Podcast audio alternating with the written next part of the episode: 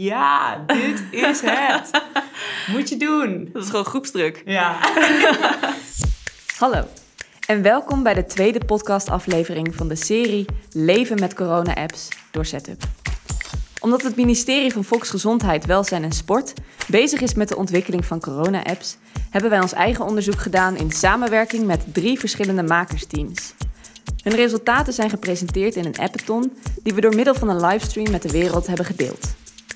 Allemaal hebben zij een provotype ontwikkeld. Provotype omdat ze provocerend bedoeld zijn om de thema's, pijnpunten en valkuilen van de corona-apps in kaart te brengen.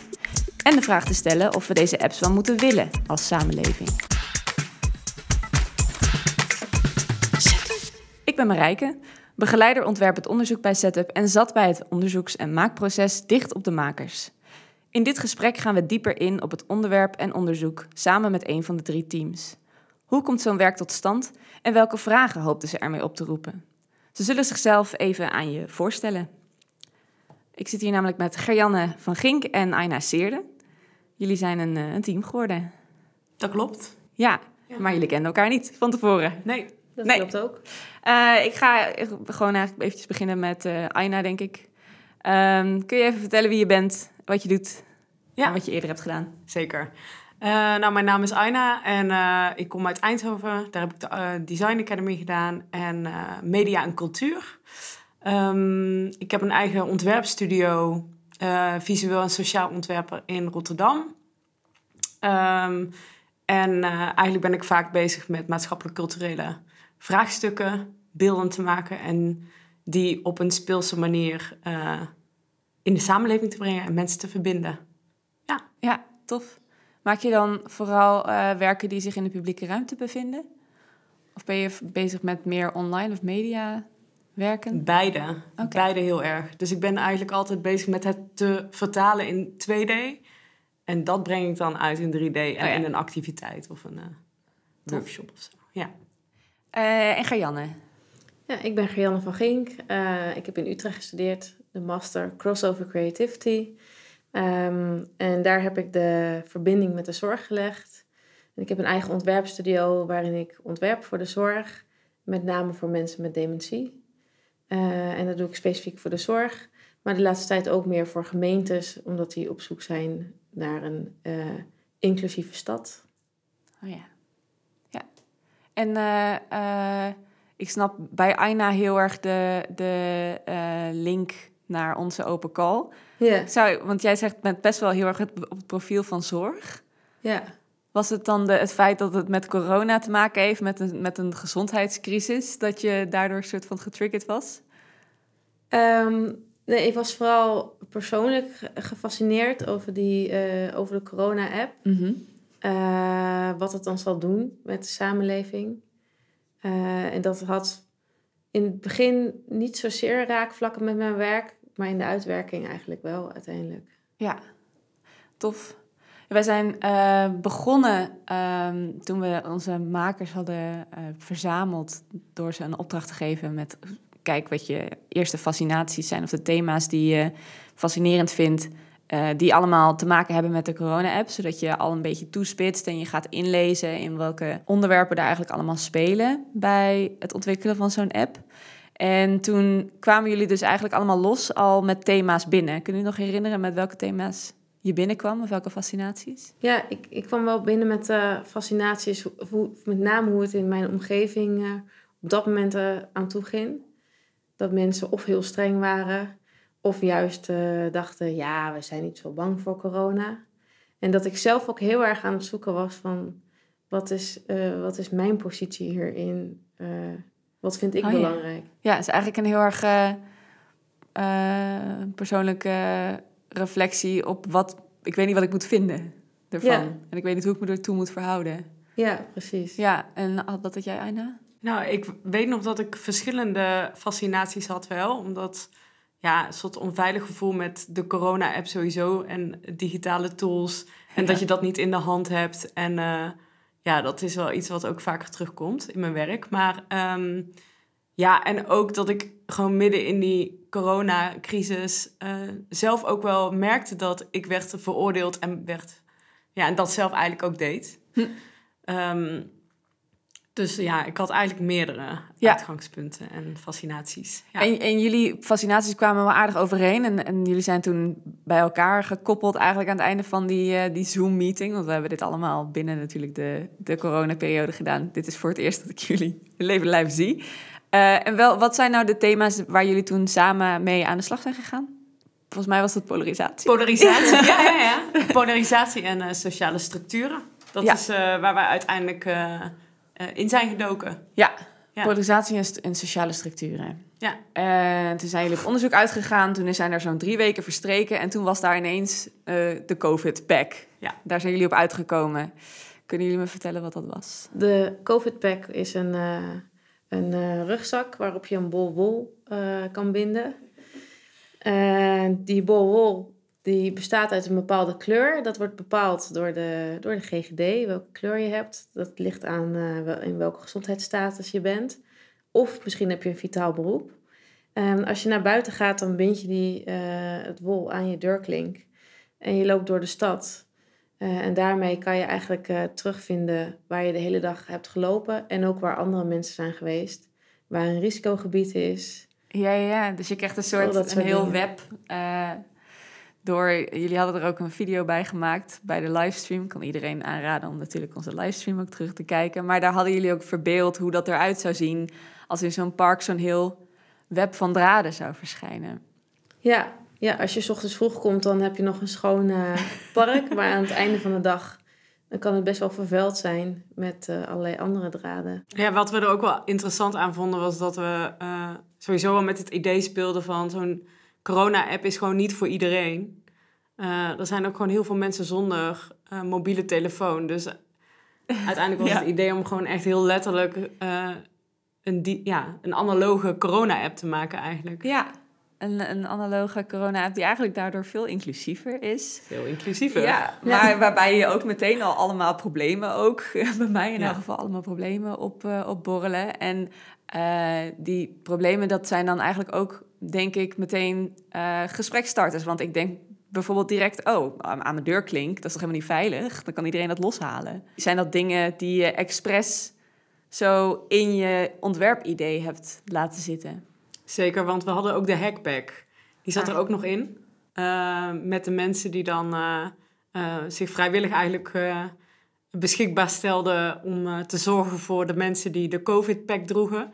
Dus die konden bijvoorbeeld ja, dit systeem gaan hacken. Door middel van ook mensen te beschermen, bijvoorbeeld.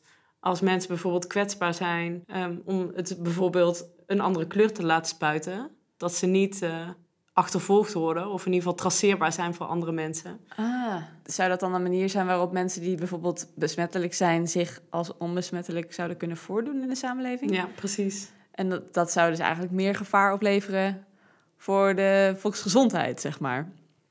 En die hackpack, om daar nog even een klein beetje die nog iets meer te unpacken.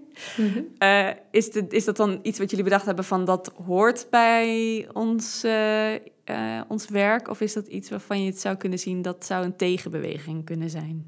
We hadden hem nu bedacht dat mensen die werkloos worden of werkloos zijn, dat zouden kunnen gaan doen. Ja? Ehm, en die kunnen ook bijvoorbeeld mensen die toch niet meer thuis kunnen komen omdat hun touw op is, bevrijden. Dat ze toch nog naar huis kunnen.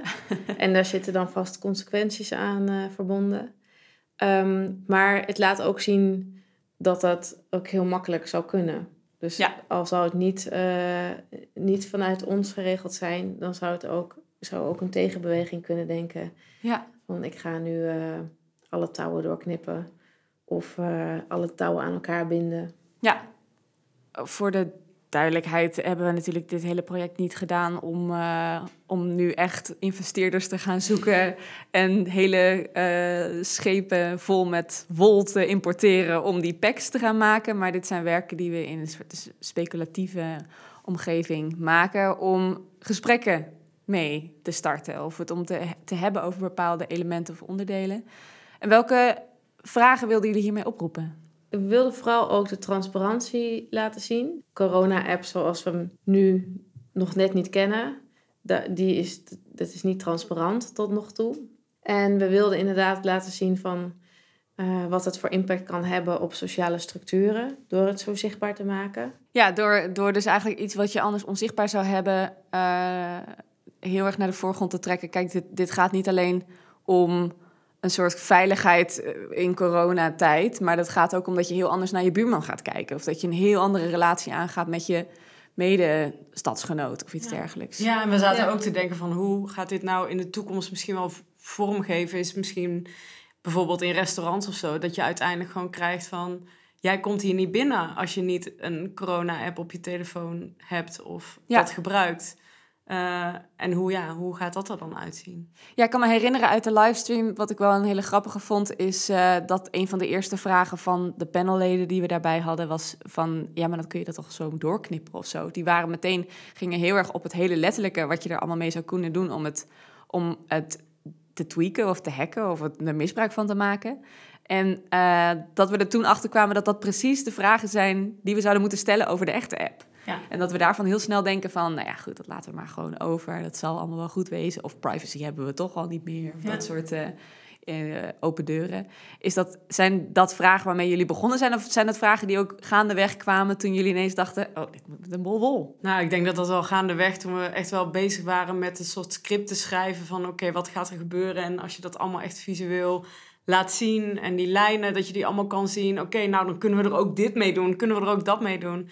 Nou ja, dat zijn ook dingen die met de corona-app ook kunnen. Ik bedoel, je kan ook, uh, als jij een mobiele telefoon hebt met een corona-app, uh, je kan ook verschillende telefoons hebben of zo. Uh, ja. Waarbij je de ene wel aanzet en de ander niet. Ja. Dat ja. kan met een bolletje wol ook. Of inderdaad via AliExpress misschien verschillende kleuren bestellen. Of en het zo het systeem te hacken. Ja, precies. Ja, volgens mij was ook de vraag van... Uh, maar dan kan iemand toch gewoon naar mijn huis volgen. ja. maar toen we, waar we toen inderdaad over hadden... ja, moeten we dat niet... dat ook precies, dat soort dingen niet... Uh, beter met elkaar bespreken als we het hebben over die app. Ja. Um, even weer... Uh, we gaan weer terug naar het begin. Dit, is, dit, dit was helemaal het eind. Dit was het werk wat uiteindelijk gepresenteerd werd. En jullie werden aan elkaar gekoppeld.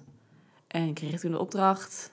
ga maar onderzoek doen hoe was dat, die eerste fase, die eerste week? Want het was natuurlijk allemaal heel kort.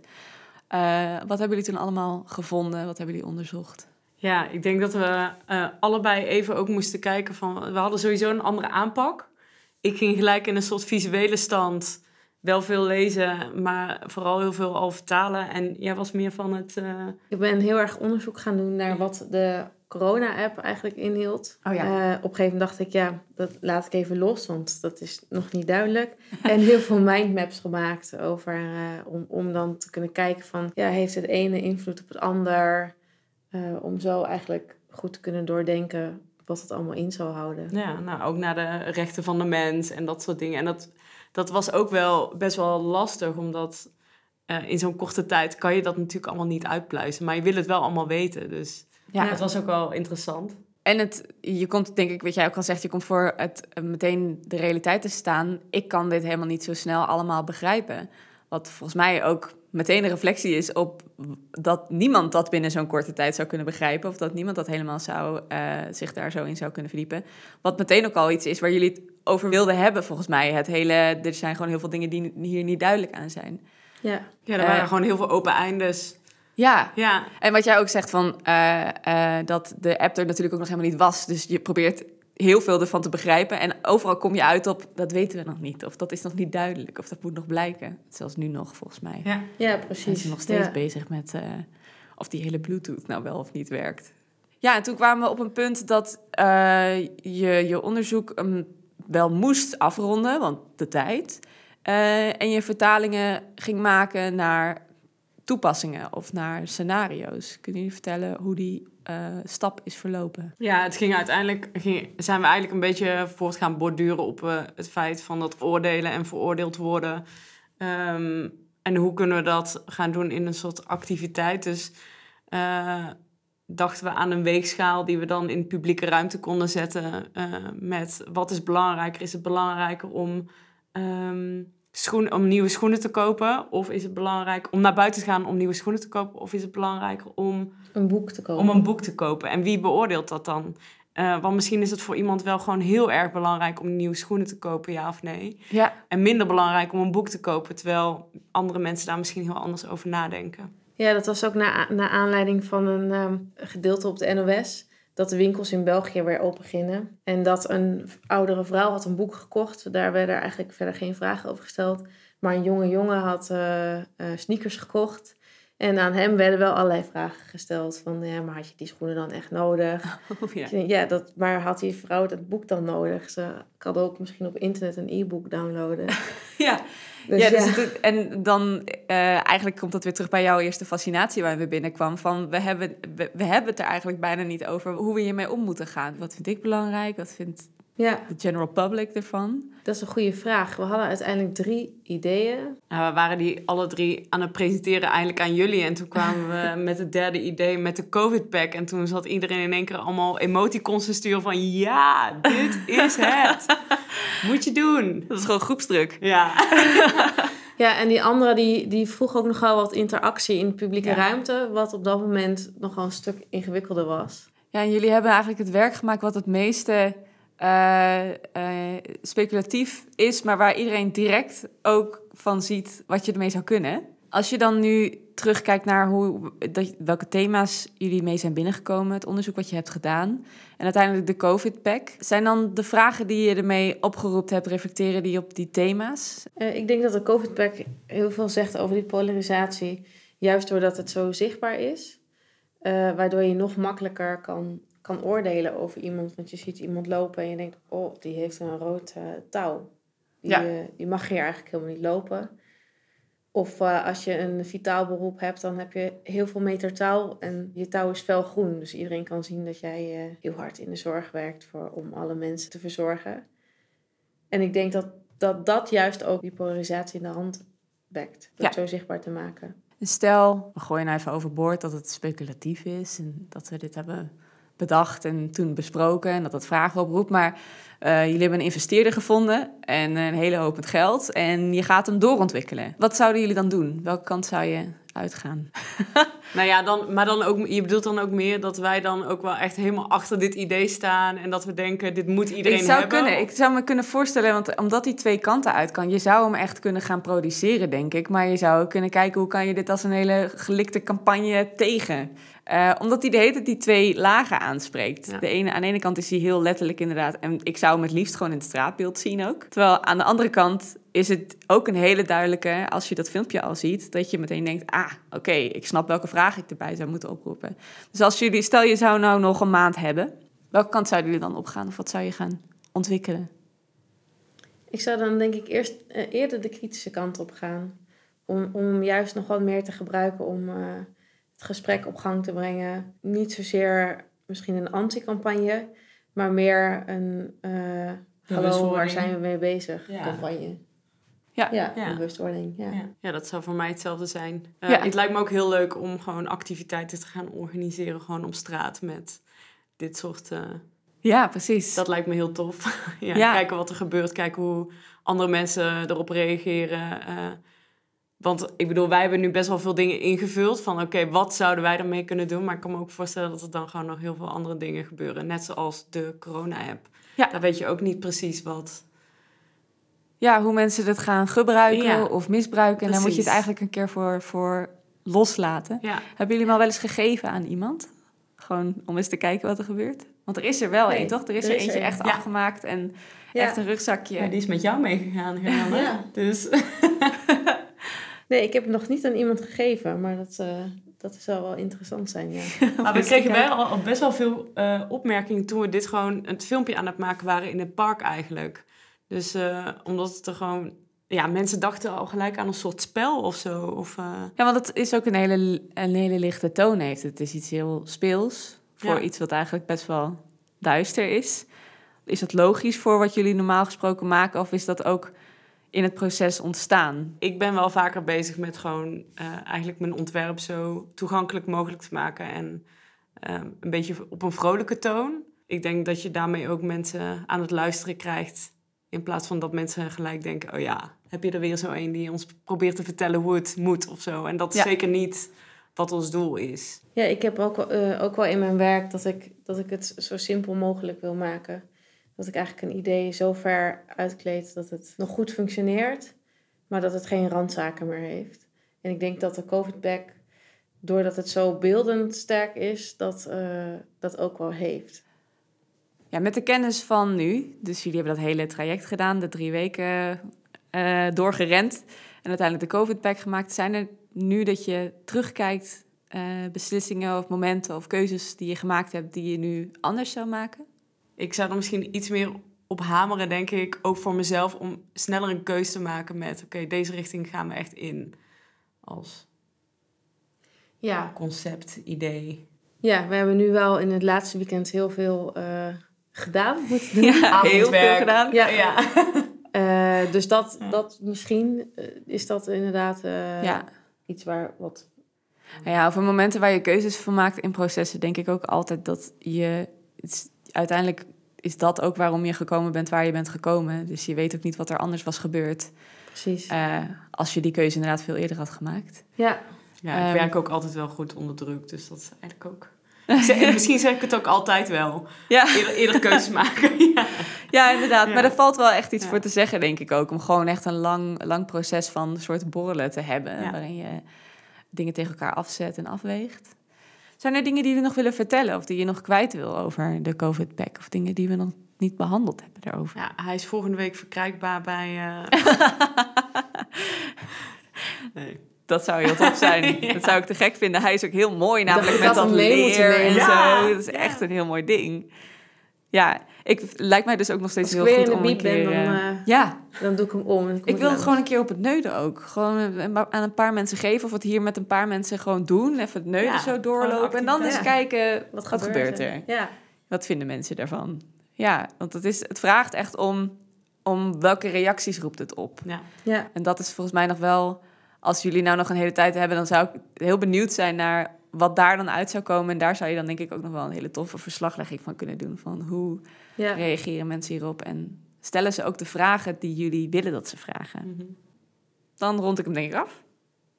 dit was de tweede aflevering van de podcastreeks Leven met corona-apps van Setup. Leuk dat je luisterde. Hartelijk dank aan Gerjanne van Gink en Aina Seerde, die een verhaal hebben verteld ja, ja. Fijn. Ik, uh, ik, hoop dat we uh, een fijner, een compleet beeld hebben kunnen schetsen van wat jullie allemaal hebben gedaan. Zeker. Bedankt voor het gesprek. Tot de volgende keer. Houd ons in de gaten op sociale media, via ons YouTube-kanaal en natuurlijk via onze website www.setup.nl.